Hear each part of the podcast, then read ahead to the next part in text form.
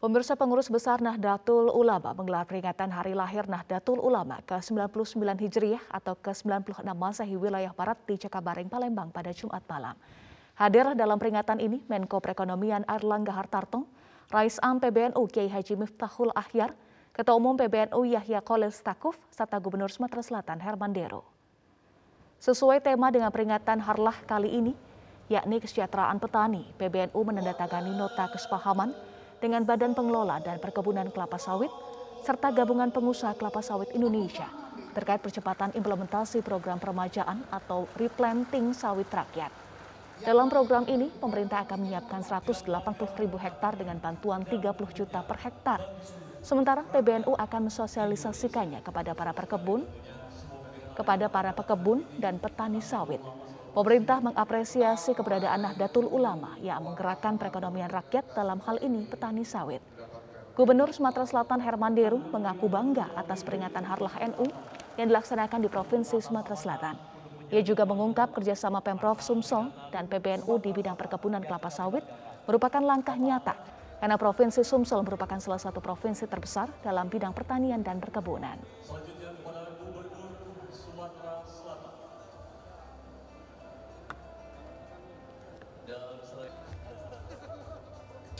Pertama, saya ucapkan terima kasih karena Sumatera Selatan dan Kota Palembang dipercaya untuk menjadi tuan rumah Harlah ke-99 NU untuk Indonesia bagian Barat. Ini merupakan satu kehormatan tersendiri bagi kami dan warga Sumatera Selatan. Dalam perhelatan balap mobil listrik Formula E pada bulan Juni 2022 mendatang, segala persiapan telah dilakukan, termasuk pembangunan sirkuit yang sedang berlangsung. Sementara itu terkait penggunaan bambu dalam kerangka konstruksi sirkuit juga sudah mendapatkan izin dari federasi. Pemirsa jelang perhelatan balapan mobil listrik Formula E yang nantinya akan digelar pada bulan Juni tahun ini di Jakarta berbagai persiapan sudah dilakukan baik dari pemerintah daerah dan juga pihak uh, kontraktor. Seperti yang Anda lihat saat ini di tempat saya berada, ini di uh, sirkuit yang saat ini sedang dibangun dan saat ini progres pembangunan masih terus berjalan. Diketahui bahwa pembangunan ini sudah berlangsung dari tanggal 3 Februari 2022 lalu dan nantinya ditargetkan ini berlangsung selama 54 hari. Dan untuk mengetahui seperti apa uh, progres pembangunan sirkuit Formula E di Jakarta saat ini dan sudah sampai mana dan berapa persen pembangunannya, kami akan menanyakan langsung kepada Pak Ari Wibowo, Senior Manager PT Konstruksi PT Jaya Konstruksi Manggala Pratama. Selamat siang Pak Ari. Selamat siang, selamat siang. Baik, Pak Ari, mungkin boleh diinformasikan sejauh ini sudah berapa persen progres pembangunan sirkuit Formula E ini, Pak? Sampai hari ini mungkin sekitar 49 49 persen. Kita upayakan semaksimal mungkin kita bisa menyelesaikan ini tepat waktu ya. dengan kondisi yang terbaik. Baik.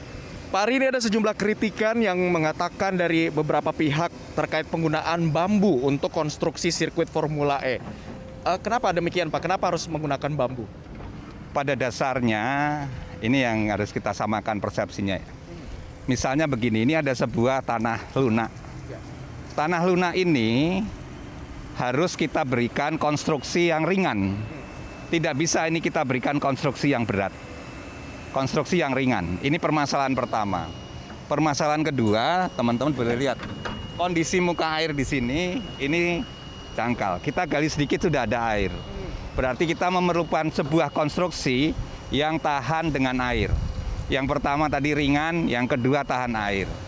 Nah, kita men mencari alternatif-alternatifnya ada yang yang ring, yang tahan air ada, tapi mungkin berat.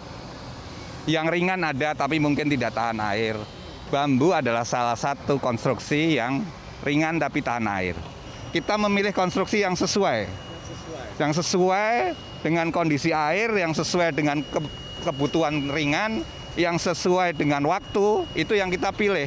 Kalau saya dikatakan apa, mencari konstruksi yang murah, saya mengambil dari Lampung, mengambil dari Palembang tidak tidak murah. Baik, artinya Pak ya untuk yang di sini kan yang dikatakan juga zona 5 begitu ya Pak ya, yang di sini dengan uh, kon, uh, tekstur tanah yang berlumpur begitu ya Pak ya, itu salah satu strategi.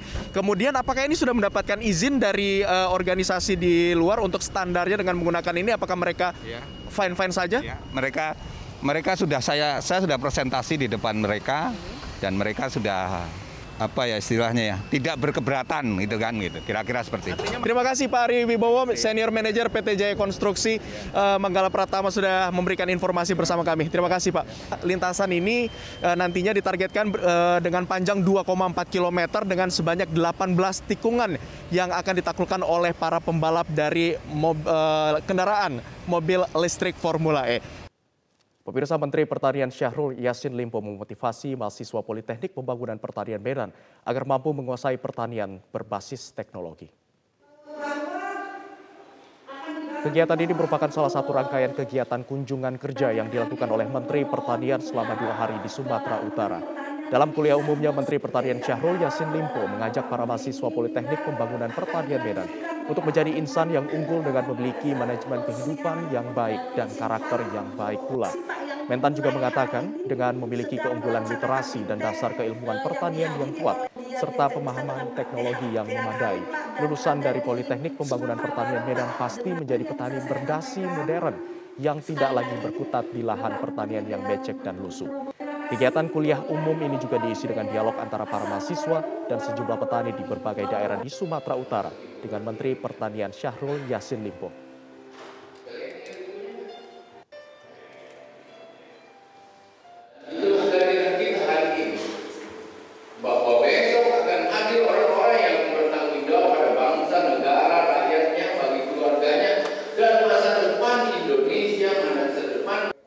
Sementara itu Badan Pengawas Obat dan Makanan atau BPOM menemukan ribuan obat herbal penunjang stamina pria dan kopi yang mengandung zat kimia berbahaya seperti sildenafil dan paracetamol yang dijual bebas secara online.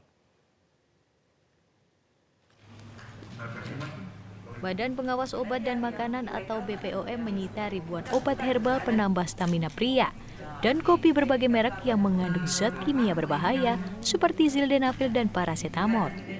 Zat-zat tersebut diketahui dapat menyebabkan gangguan jantung dan fungsi hati hingga kematian. Kepala BPOM Penny Lukito menyebut, obat berbahaya ini awalnya ditemukan oleh Satgas Siber yang mendapati produk berbagai merek tanpa izin edar telah dipasarkan melalui platform e-commerce di Indonesia. Ironisnya, para pelaku sengaja memalsukan izin edar dari BPOM untuk mengelabui para konsumen dan berhasil menjual ribuan paket dengan nilai transaksi lebih dari 1,5 miliar rupiah. Eh, resiko apa ya kalau penggunaan bahan kimia obat ini yang tidak tepat? Artinya adalah tidak tepat waktu, tidak tepat e, dosis tentunya ya, menggangguan jantung, gangguan hati, e, sakit ritme jantung ya, ini ada pengaruh juga ke alat reproduksi siapa pun yang mengkonsumsi ini ya.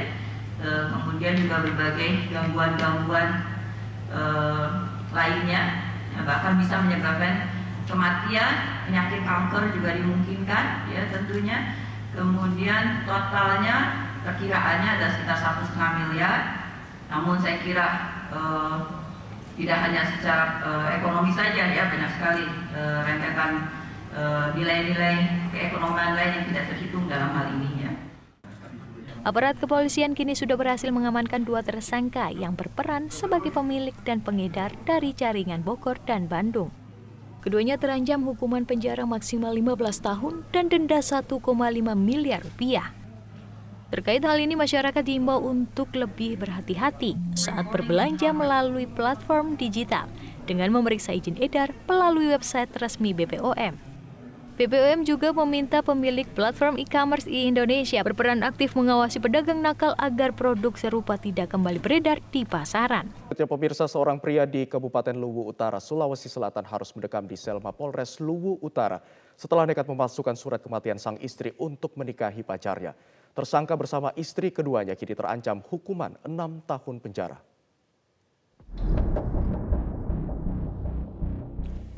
F hanya bisa pasrah saat diperiksa oleh penyidik dari pemerhati perempuan dan anak Polres Luwu Utara, Sulawesi Selatan. Pria 38 tahun ini ditangkap karena nekat memalsukan surat kematian istrinya demi menikahi kekasihnya. Kejadian ini berawal saat F dan istri sedang merantau ke Maluku. F kemudian meminta izin kepada sang istri untuk kembali ke kampung halaman.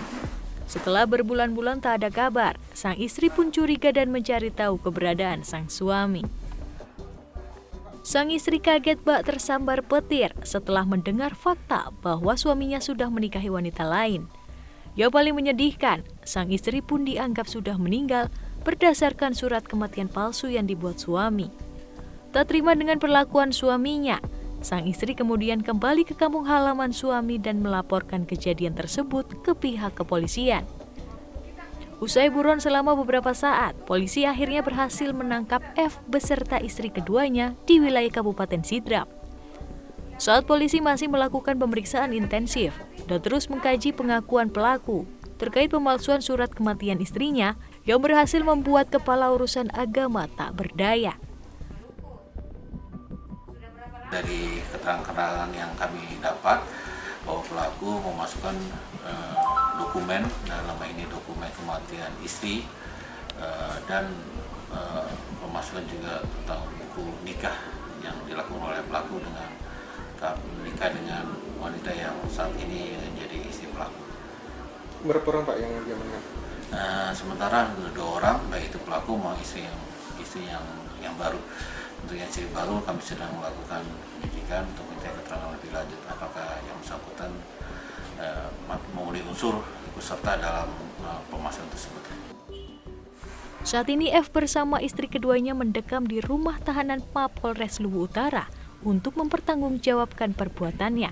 Keduanya terancam pasal 279 dan 284 KUHP tentang pemalsuan dokumen dengan ancaman hukuman 6 tahun penjara.